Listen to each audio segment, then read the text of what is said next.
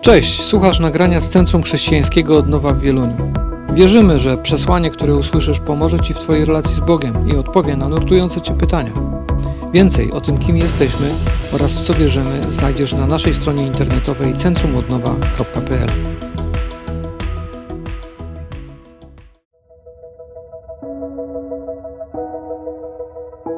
Poprzez Jezusa Chrystusa Bóg usunął wszystko, co mogło odgradzać Jego od ludzi.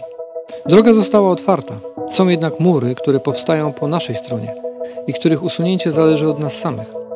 W serii kazań zatytułowanej Mury, które muszą runąć, chcemy zidentyfikować przeszkody, które odgradzają nas od Boga i mogą w poważny sposób pozbawić nas wszystkiego, co bierze się z Jego bliskiej obecności pokoju, poczucia bezpieczeństwa, celu i wartości oraz realnej mocy do zmienienia siebie i otaczającego świata. Wczoraj mieliśmy fajne spotkanie kto był, to wie, dla małżeństw. A w ogóle ta seria, która była, e, która się skończyła, mm, o budowaniu, odbudowaniu małżeństwa była, była mm, dla mnie bardzo fajna, bo była konfrontująca czasami, ale, mm, ale właśnie tak, tak dobrze konfrontująca, to znaczy przypominająca o, o bardzo czasami podstawowych prawdach, Ciekawe, że, że człowiek zapamiętuje takie różne smaczki z tego i taki jeden, który zapamiętałem, to jak pastor Zbyszek cytował statystyki mówiące o tym, że kobieta mówi sześć razy więcej niż mężczyzna. Tak, tak, tak. Ale ja y, pamiętam taką sytuację, gdzie pewien y, inteligentny mężczyzna powiedział swojej żonie właśnie tą, tą rzecz, że wiesz, kobiety, wy to mówicie sześć razy więcej niż, e, niż my, mężczyźni. E, a ta bardzo rezolutna młoda kobieta wcale się z nim nie spierała i potwierdziła mu, jak najbardziej masz rację, a to dlatego, że wy faceci jesteście głusi, nigdy nie słyszycie, co się do was mówi, trzeba sześć razy powtórzyć, żeby do was dotarło. I to był trafiony, zatopiony. A tak mówiąc, y, znaczy to, to też było w sumie poważne, ale, mm, ale bardziej poważnie mm, y, ta, ta seria y, przywodziła mi na myśl takich wiele, wiele punktów i mm, w wielu bardzo sytuacjach, czy, czy tych fragmentach, czy tych myślach, które tutaj padały, słyszały, to, to, to człowiek skonfrontowany myśli, Panie Boże, a, ale jeszcze dużo do zrobienia. Ja, jak, ja, to nie, nie ma szans. I Przychodzi mi wtedy zawsze taki fragment z Ewangelii Mateusza z 19 rozdziału, 26 werset. Jeden z moich ulubionych, takich naj. Mm, I chciałbym, żebyś spojrzał na niego w tej chwili. Kiedy Jezus mówi do swoich uczniów, spojrzał na nich i powiedział: Po ludzku rozumując, to jest niemożliwe, ale z Bogiem wszystko jest możliwe. Oczywiście on to powiedział w konkretnym bardzo kontekście, ale ja chciałbym żebyście zwrócili uwagę na tą drugą część zdania, gdzie, gdzie Jezus mówi, Jezus mówi, z Bogiem wszystko jest możliwe. I tam przy tym wszystko nie ma gwiazdki. Czyli nie ma, że z tym to jest niemożliwe, z tym. A zatem kiedykolwiek wydaje ci się, że coś jest niemożliwe po ludzku, po ludzku, to przypomnij sobie to zdanie. Z Nim wszystko jest możliwe. I chciałbym, że żebyś zapamiętał to zdanie, gdzieś przykleił sobie je do serca, kiedy przejdziemy do serii, którą teraz zaczynamy, um, która, która mówi o tym, że są mury, które muszą runąć. Dzisiaj mieliśmy e, pamiątkę wieczerzy e, pańskiej e, i to jest wspaniały czas, kiedy wspominamy to, co On zrobił na krzyżu. I niezwykle ważne jest to, żebyśmy mieli świadomość, co się wtedy stało. Żeby to nie była taka rutyna. I nie chodzi mi o, o, o całość tego wydarzenia, ale chodzi o jeden fragment, taki bardzo ważny, gdzie w momencie, kiedy, kiedy dokonuje się już ofiara Jezusa na krzyżu, jednym z takich, tak, takich rzeczy, które się wtedy y, dzieją, to jest rozdarta została zasłona świątyni e, od góry do dołu. Co ciekawe, od góry do dołu. To, to nie był jakiś tam papier czy jakaś tam folia, to był kawał niesamowicie ciężkiego, grubego materiału. On został rozdarty w nadnaturalny sposób. Miejsce do, znaczy dojście do miejsca Najświętszego zostało otwarte. Dla tamtych ludzi to było oczywiste, że w tym momencie każdy może tam wejść, bo zasłony już nie ma. E, Bóg po swojej stronie, w momencie, kiedy Jezus oddał swoje życie, zlikwidował wszelkie mury między Nim a Tobą i mną. Jeszcze raz to powiem. Bóg w momencie, kiedy Jezus oddał swoje życie na krzyżu, zlikwidował wszelkie mury między Tobą, między ludźmi, między mną, a Nim. Po Jego stronie mury zostały zlikwidowane. Problem polega na tym,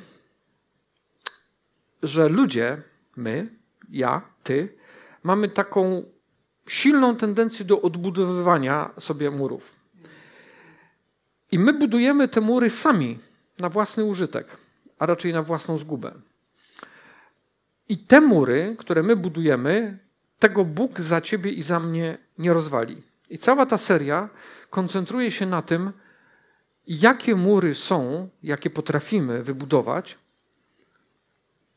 i jak bardzo szkodliwe one mogą być, wręcz zabójcze.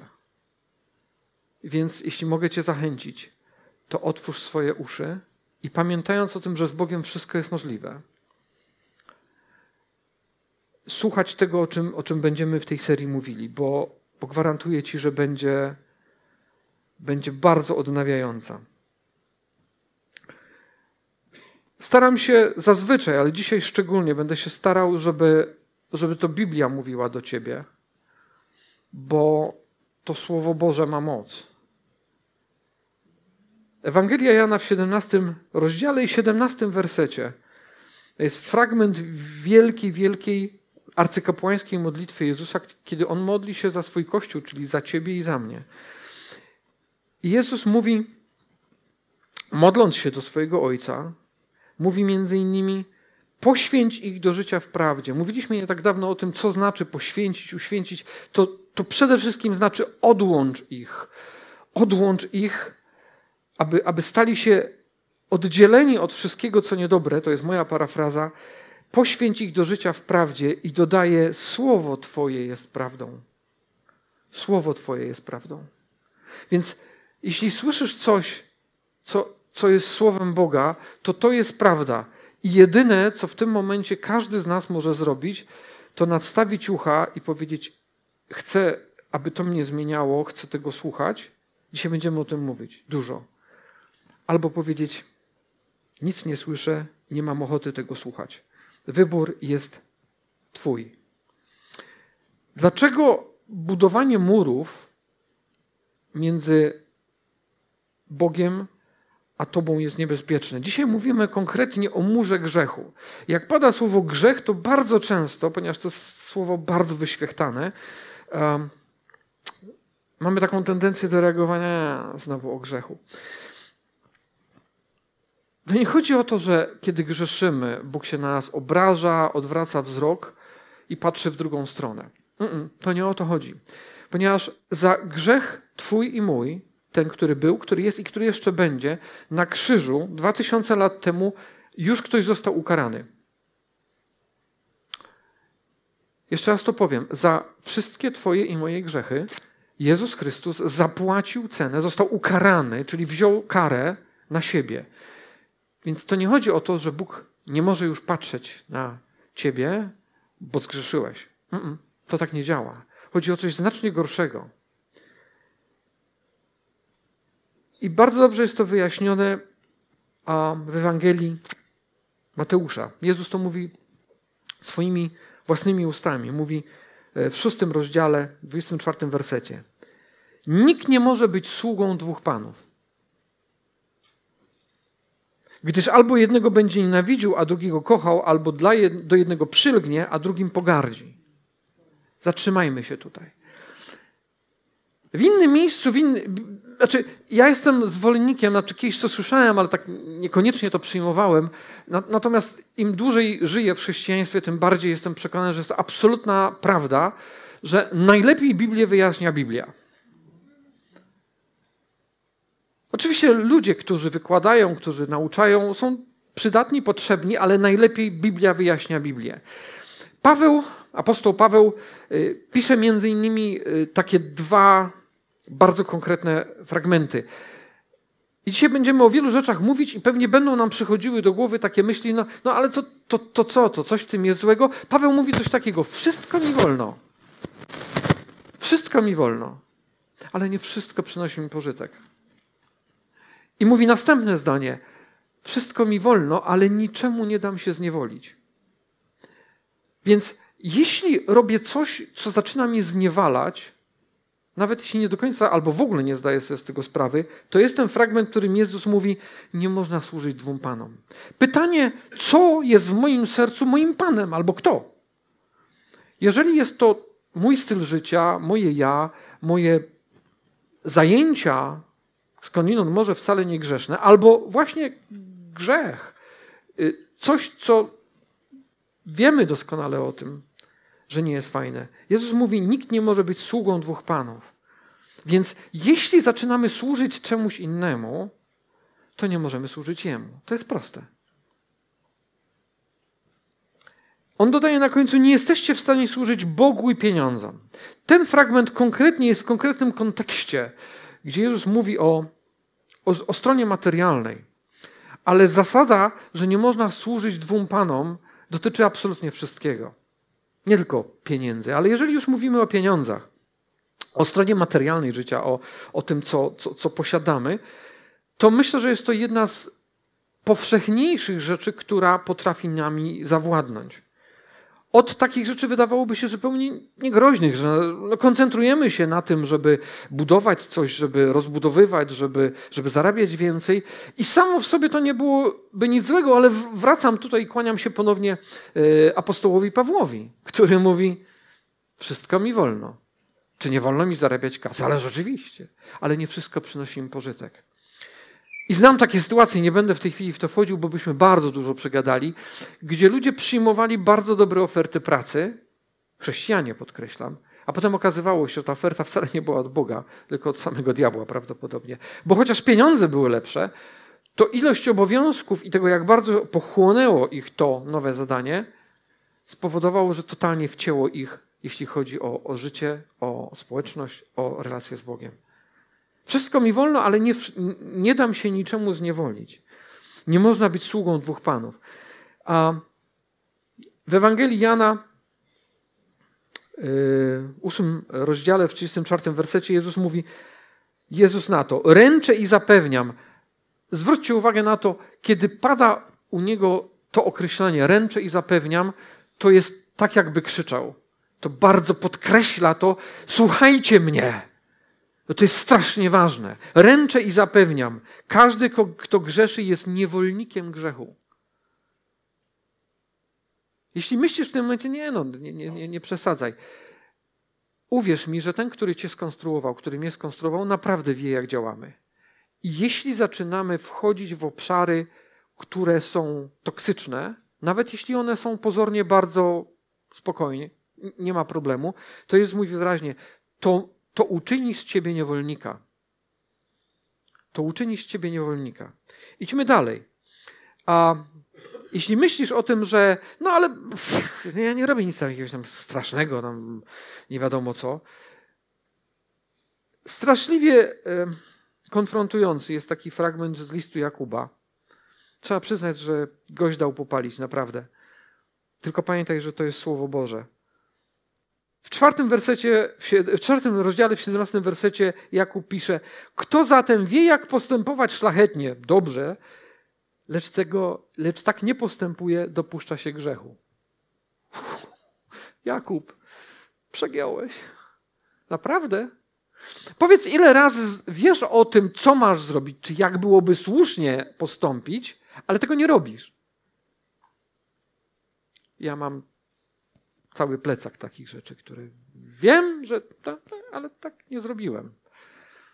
Jakub mówi jasno i wyraźnie, to jest grzech. A grzech ma moc czego? Zniewolenia cię. Czyli jeśli wiesz, jak słusznie postąpić, ale tolerujesz to, to jest jak mechanizm obronny organizmu. Jeżeli organizm się broni, to na przykład ma gorączkę. I oczywiście możesz zwrócić uwagę na to, na tą infekcję, co się dzieje, a możesz po prostu ładować w siebie jakieś środki przeciwgorączkowe, że wszystko jest w porządku. Ta druga taktyka jest słaba. bo zagłuszasz odruch obronny organizmu. Jeżeli przychodzi do ciebie słowo i mówi, to powinieneś zrobić, a ja nieustannie mówię, mm, no, no nie, no nie, no nie, to ten głos będzie coraz cichszy, aż w końcu stanę się niewolnikiem udawania, czyli de facto grzechu, że ja tego nie muszę robić. Mur jest wtedy coraz wyższy. Czy to jest poważna sprawa? Często spotykam się z taką sytuacją, niestety często, nie chciałbym, gdzie sam tak czasami myślałem, oczywiście odrzucałem tą myśl, ale przychodziła do głowy. Ludzie, którzy gdzieś z Bogiem zaczynają iść na bakier, zaczynają sobie wmawiać coś takiego, ale Bóg jest miłością, Bóg jest łaskawy, co jest absolutną prawdą. I pada wtedy czasami takie zdanie, słyszałem je kilka razy. Jakoś się tam dowlokę do tego nieba. Zrobię wszystko dzisiaj, żeby cię przekonać, że to tak nie działa. I to nie są żarty. Jezus osobiście mówi w Ewangelii Mateusza w siódmym rozdziale, od 21 wersetu. Nie każdy, kto do mnie się zwraca, Panie, Panie, wejdzie do Królestwa Niebios. Już jest nieźle, nie? Nie każdy, kto mówi Panie Jezu, mój Panie, wejdzie do Królestwa Niebios. To, to już brzmi niefajnie, nie wiem jak dla ciebie, ale dla mnie tak. I teraz następna część tego wersetu. Wejdzie tam tylko ten, kto pełni wolę mojego Ojca, który jest w niebie. Uuu, serio? To nie wystarczy, że ja powiedziałem, jesteś moim Zbawicielem? Aleluja? To nie wystarczy? Jeśli ktoś mówi, czy uwierzyłeś w Jezusa, to pyta cię, czy mu zaufałeś. Nie możesz komuś ufać i odwracać się do niego plecami. To tak nie działa. Wejdzie tam tylko ten, kto pełni wolę mojego Ojca, który jest w niebie. W tym dniu wielu mi powie, Panie, Panie, przecież prorokowaliśmy w Twoim imieniu, w Twoim imieniu wypędzaliśmy demony i w Twoim imieniu dokonywaliśmy wielu cudów. Wówczas im oświadczę, i to jest bardzo ważne zdanie, nigdy Was nie poznałem. Nigdy nie mieliśmy ze sobą prawdziwej, intymnej relacji. To nigdy nie nastąpiło. Odejdźcie ode mnie, wszyscy wy, którzy czynicie bezprawie. Jezus mówi w tym fragmencie rzeczy trudną. Wejdzie tam tylko ten, słuchajcie, wejdzie do królestwa tylko ten, który pełni wolę mojego Ojca. Hmm. Jaka jest ta wola? W pierwszym liście do Tesaloniczan Biblia ci między innymi wyjaśnia, bo takich fragmentów jest więcej. Wolą Bożą jest wasze uświęcenie. No ale to co, mam święty być? Mówiliśmy o tym niedawno, ja to jeszcze raz mówię. Wolą Bożą jest to, żebyś się odłączył dla Niego, w sensie pozostał dla Niego. I dodaje w, tej samej, w tym samym wersecie jest napisane powstrzymanie się od nierządu. To słowo, które tu jest użyte jako nierząd, bo w tym momencie prawdopodobnie w wielu głowach może się pojawić, czy tu u nas na sali, czy gdzieś ktoś może tego słuchać, pomyśli sobie, no ale nie no, bez przesady nierządu to ja nie uprawiam. Hmm. To słowo, które tam jest użyte, to jest słowo porneia takie greckie słowo. Jak się komuś kojarzy z dobrze znanym słowem, to się słusznie kojarzy.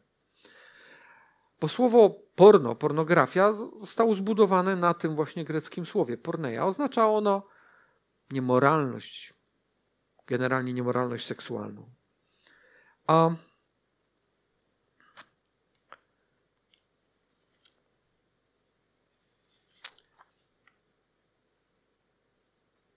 I myślisz sobie, no tak, ale bez przesady, to mnie nie dotyczy. Jeśli to ciebie nie dotyczy, to super.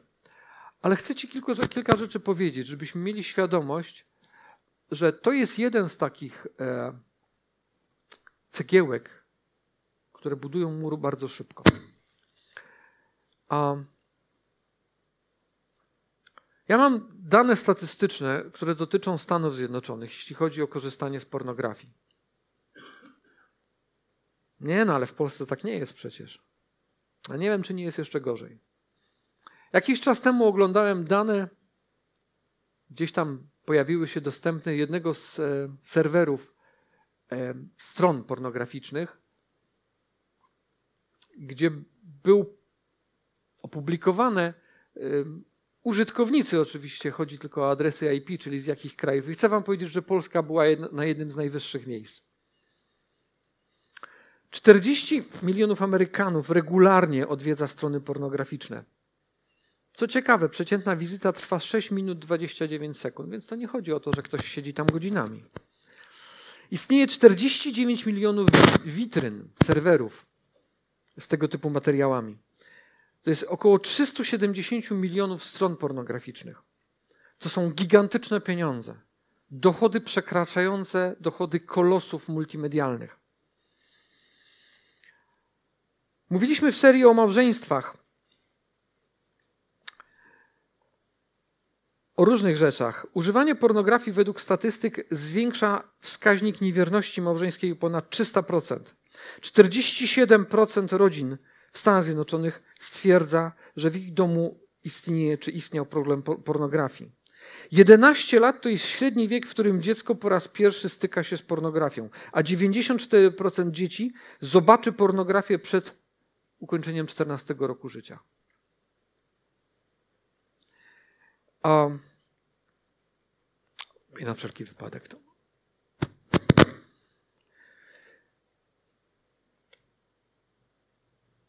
Siedemdziesiąt procent pastorów chrześcijańskich, młodzieżowych, twierdzi, że w ciągu ostatnich 12 miesięcy co najmniej jeden nastolatek zwrócił się do nich o pomoc w radzeniu sobie z pornografią. 68% mężczyzn, chrześcijan, którzy chodzą do kościoła, regularnie ogląda pornografię. Spośród młodych, dorosłych chrześcijan w wieku od 18 do 24 lat 76% aktywnie szuka materiałów pornograficznych. Prawie 60% pastorów stwierdziło, że żonaci mężczyźni zwracają się do nich o pomoc w związku z pornografią. 33% kobiet w wieku 25 i poniżej szuka porno przynajmniej raz w miesiącu. Tylko 13% kobiet, kobiet, które się określają jako chrześcijanki, stwierdzają, że nigdy nie oglądały porno. 87% miało z nią styczność.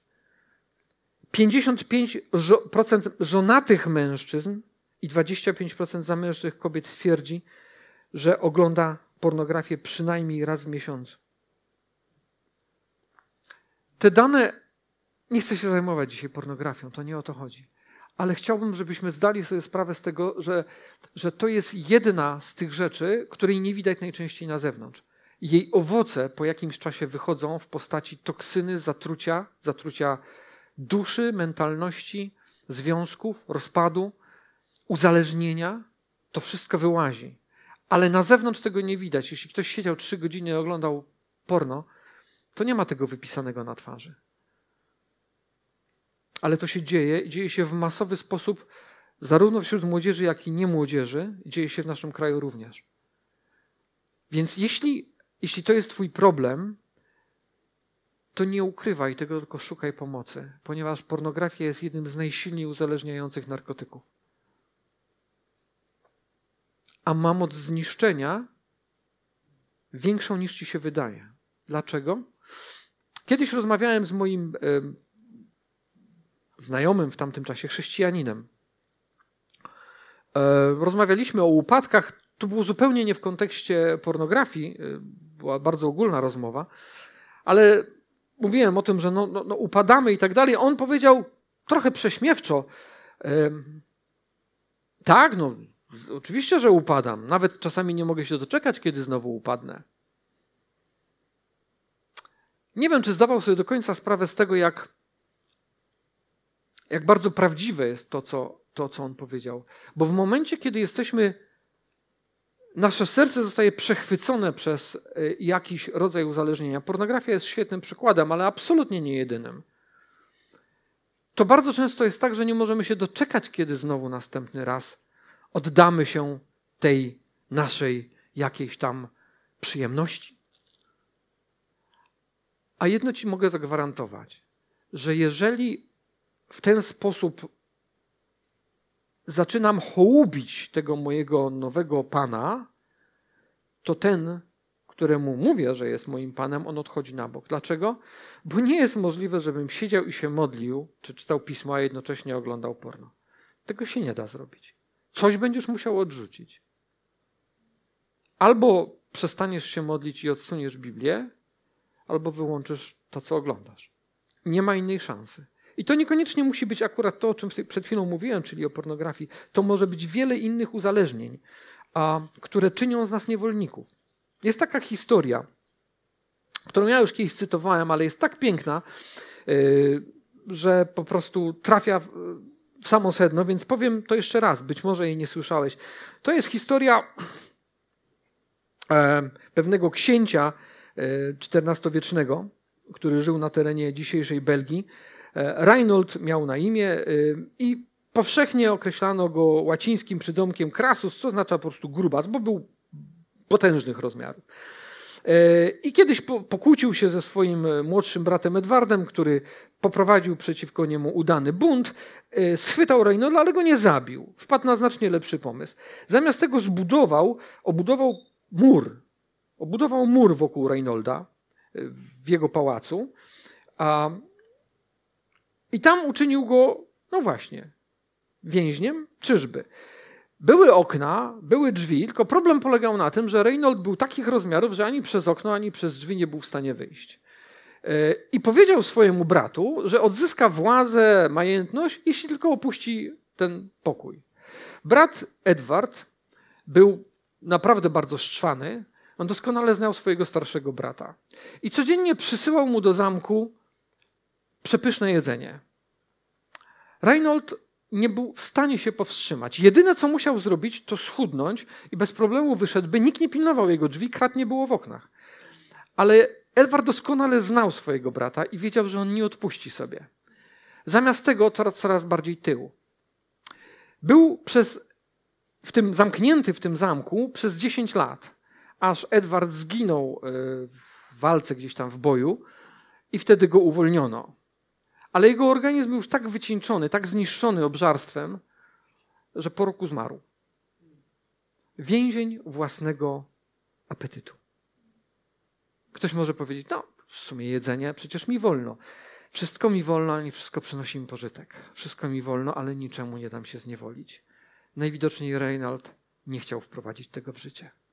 I był niewolnikiem, który, niewolnikiem czegoś, co go de facto zabiło. A jest taka taka przypowieść, opowieść, e, ilustracja, której użył Jezus, którą gwarantuję, że słyszałeś w życiu przynajmniej kilka razy, bo w kościele, do którego wiele lat temu chodziłem, padało to bardzo często. A o budowie domu na piasku i na skale. Już wszyscy wiedzą o co chodzi. To jest Ewangelia Mateusza, 7 rozdział, 24 mm, e, werset i 27 do 27.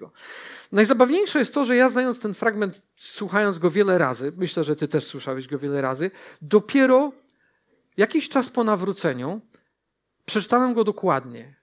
Jakież było moje zdziwienie, kiedy w jednym i drugim przypadku jest napisane: Każdy więc, kto słucha moich słów i robi z nich użytek, jest jak człowiek mądry, który swój dom postawił na skalę. Spadł lewny deszcz, wezbrały rzeki, zerwały się wichry i uderzyły w ten dom, lecz on nie runął, bo był zbudowany na skalę.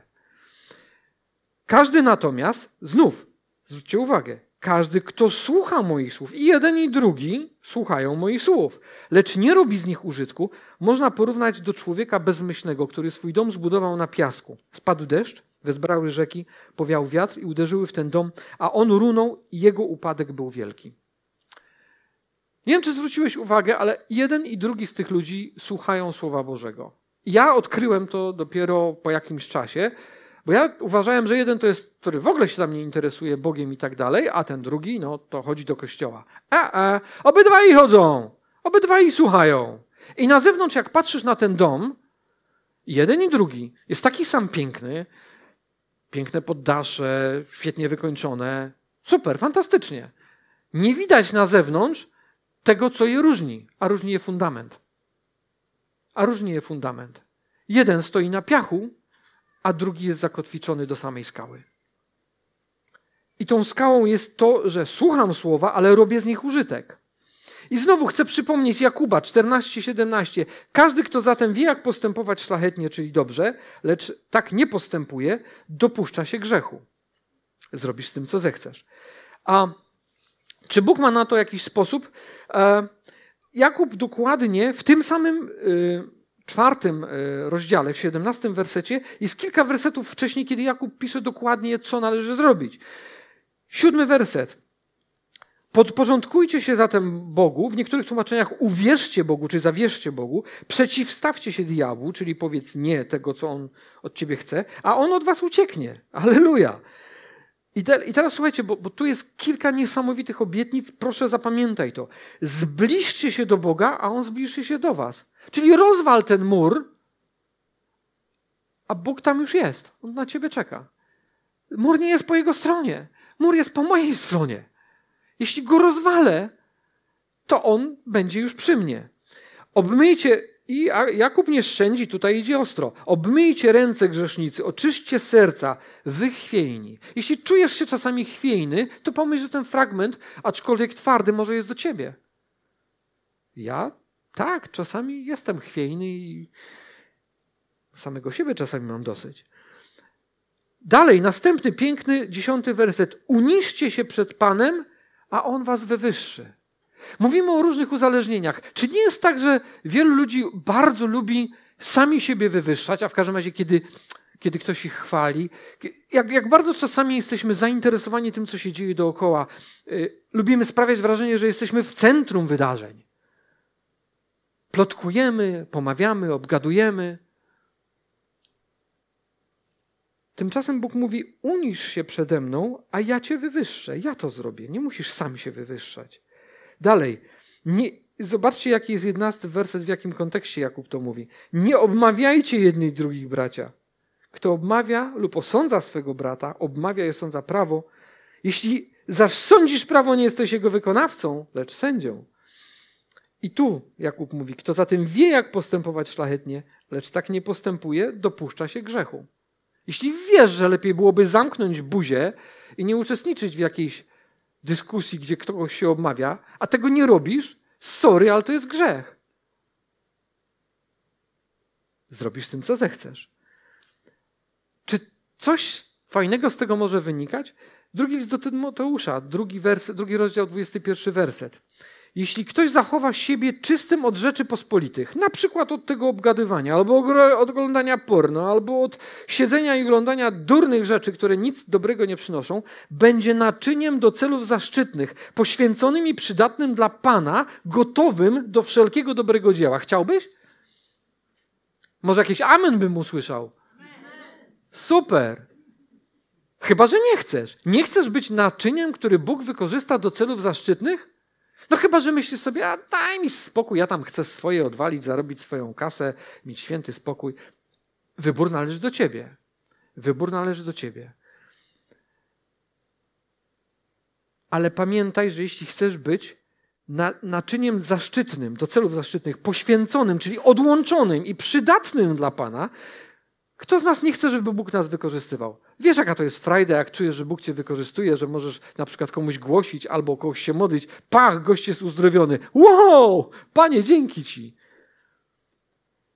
Jeśli ktoś zachowa siebie czystym od rzeczy pospolitych, to będzie takim naczyniem.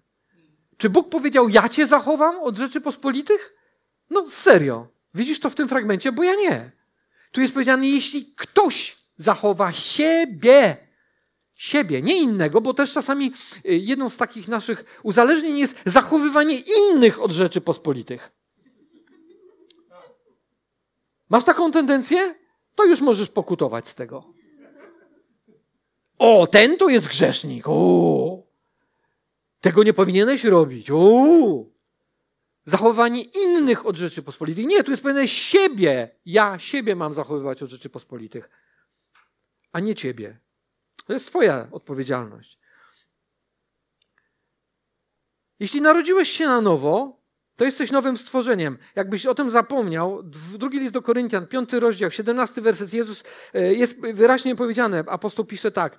Tak więc, kto jest w Chrystusie, bardzo często niestety wśród chrześcijan jest coś takiego, no ale wiesz, ja jestem w Chrystusie, jestem dzieckiem Bożym. Tak, to jest prawda. Ale co jest dalej napisane? Nowym jest stworzeniem, stare przeminęło i nastało nowe. Jak nastało, u mnie pamiętam nastało, jak się nawróciłem, wow, to był czad, dym. Panie, jak ja byłem wtedy odłączony, hu, szok. A potem tu, tu, tu, tu, tu, tak słabiej, słabiej. I tam wracały te niektóre stare paskudztwa. Wracały. I nawet mi się wydawało, że nie są szkodliwe. A Jezus mówi, kto grzeszy, jest niewolnikiem grzechu. I potem się okazało, że de facto stałem się niewolnikiem. I trzeba było zrywać łańcuchy. A to bolało. Jeżeli masz w tym wszystkim, czujesz, że aha, mówi o mnie, to pomyśl sobie, z Bogiem wszystko jest możliwe. Bo Bóg w przeciwieństwie do szatana, jeśli coś mówi, to nie po to, żeby cię zniszczyć, tylko po to, żeby cię wyzwolić. Jeśli Bóg ci mówi prawdę, to po to, żeby cię uratować, a nie po to, żeby cię zgnębić. Kto nowym jest, tak więc ktoś jest w Chrystusie nowym jest stworzeniem. Stare przeminęło i nastało nowe.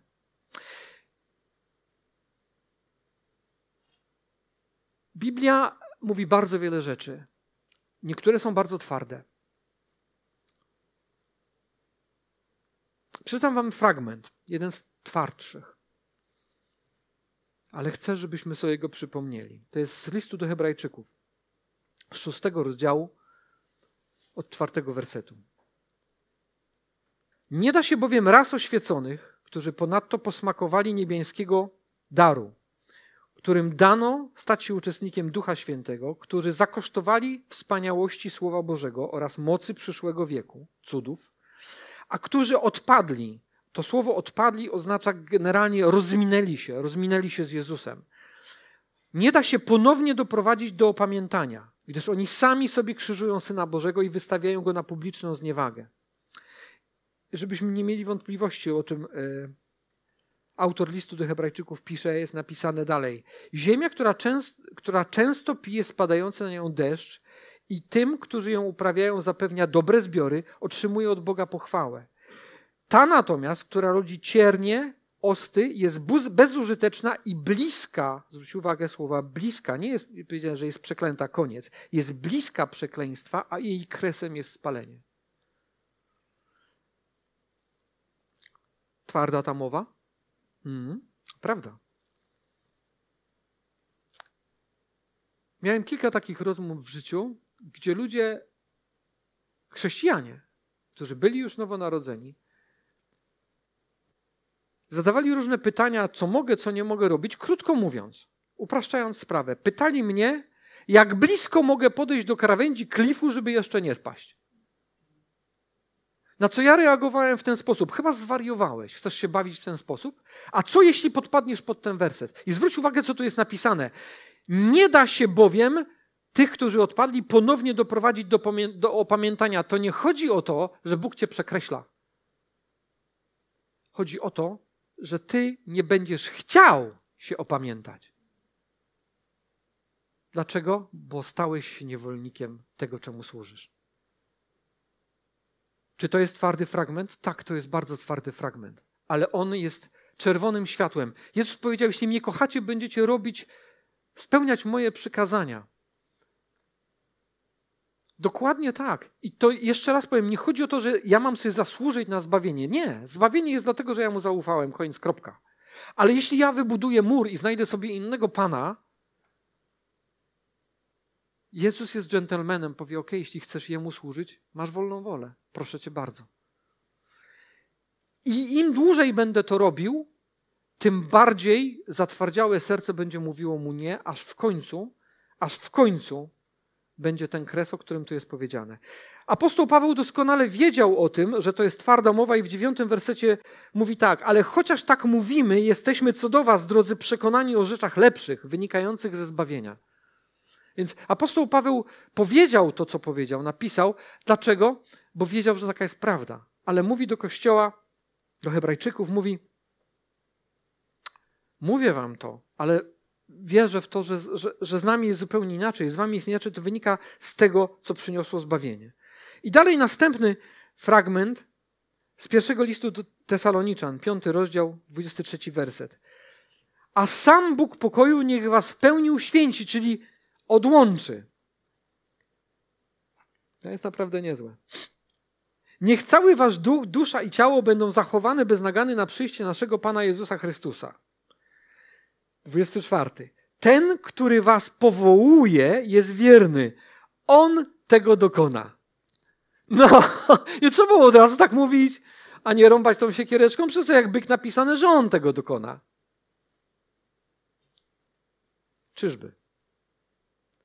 Ewangelia Mateusza, szósty rozdział, dwudziesty pierwszy werset. Bo gdzie jest Twój skarb, tam będzie i Twoje serce. Tam, gdzie umieściłeś swój skarb, tam jest Twoje serce, a Bóg nie będzie walczył z Twoim sercem. Jeśli oddałeś je Jemu, On dokona tego, co tu jest napisane.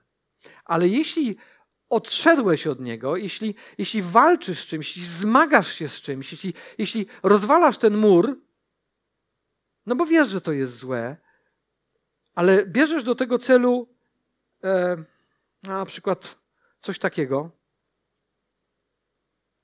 spróbuj tym rozwalić ścianę. Można? Wątpię. Lepszy do tego jest ciężki młotek.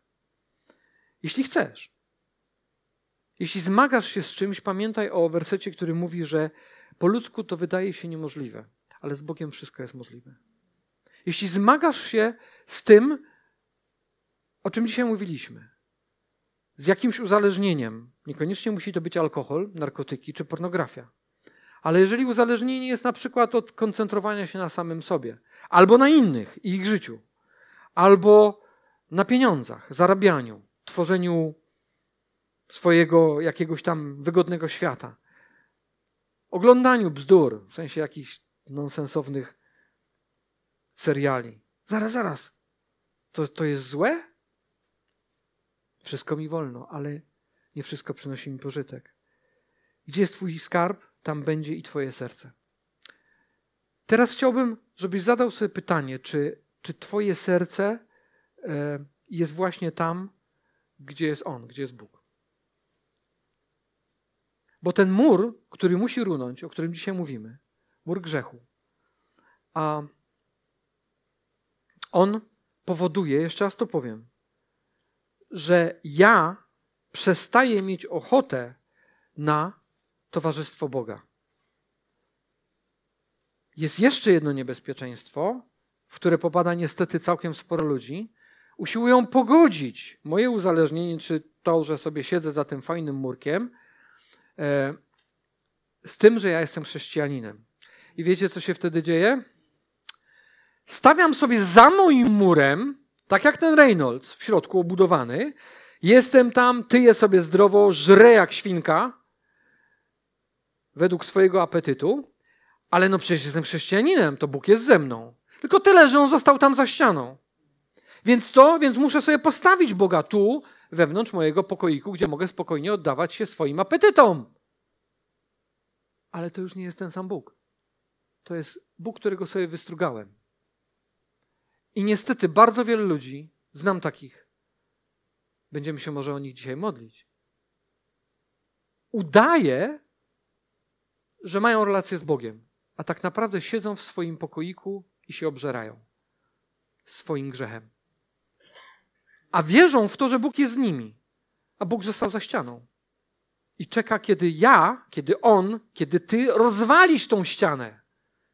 Kiedy rozwalisz tą ścianę, bo jak jej nie rozwalisz, Oczywiście Bóg jest po to, żeby ci pomóc ją rozwalić, ale inicjatywa musi wyjść od ciebie. Inicjatywa musi wyjść od nas, żeby rozwalić mur. Będziemy się o to modlić w tej chwili. Panie, przychodzimy do Ciebie. Ojcze, Ty znasz prawdę naszych serc. Wiesz, co jest dla nas siłą przewodnią. Wiesz, co nas prowadzi, wiesz, co na, nas napędza. Znasz nasze pragnienia. I kiedy śpiewam, kiedy śpiewamy, Ojcze, oddaję wszystko Tobie, Panie, ja chciałbym, żeby to była prawda. Ojcze, ja chciałbym, żeby to była prawda. Panie, pomóż mi zidentyfikować te mury, które mnie odgradzają od Ciebie. Pomóż mi zidentyfikować te mury, a potem pomóż mi do ręki wziąć ciężki młotek i bić ten mur, aby w końcu runął. Ojcze, proszę Cię. Ojcze, proszę Cię o to, abyś nie pozwolił mi zasnąć wewnątrz mojego pokoiku obudowanego murem. Panie, nie pozwól.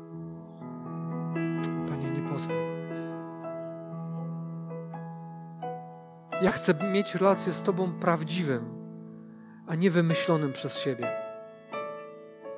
Panie, ja nie chcę udawać, że mam relację z Tobą. Ojcze, ja dziękuję Ci za te wszystkie konfrontujące słowa. Twarde, ale z miłości twarde. Ojcze, proszę Cię o to. Prosimy Cię. Nie pozwól, abym otrząsnął się z tych słów i poszedł dalej swoją drogą.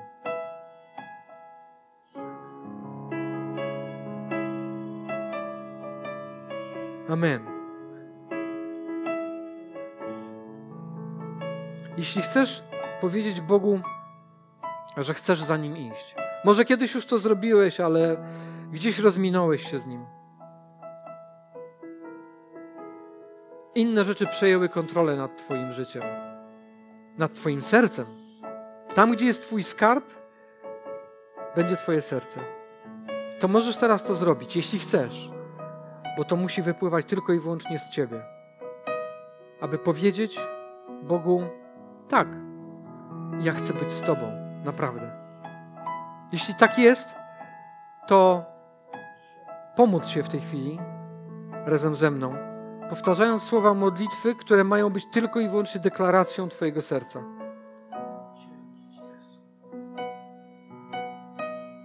Ojcze, ja przychodzę do Ciebie i przepraszam Cię za każdy mój grzech. Za każdy grzech, który oddziela mnie od Ciebie.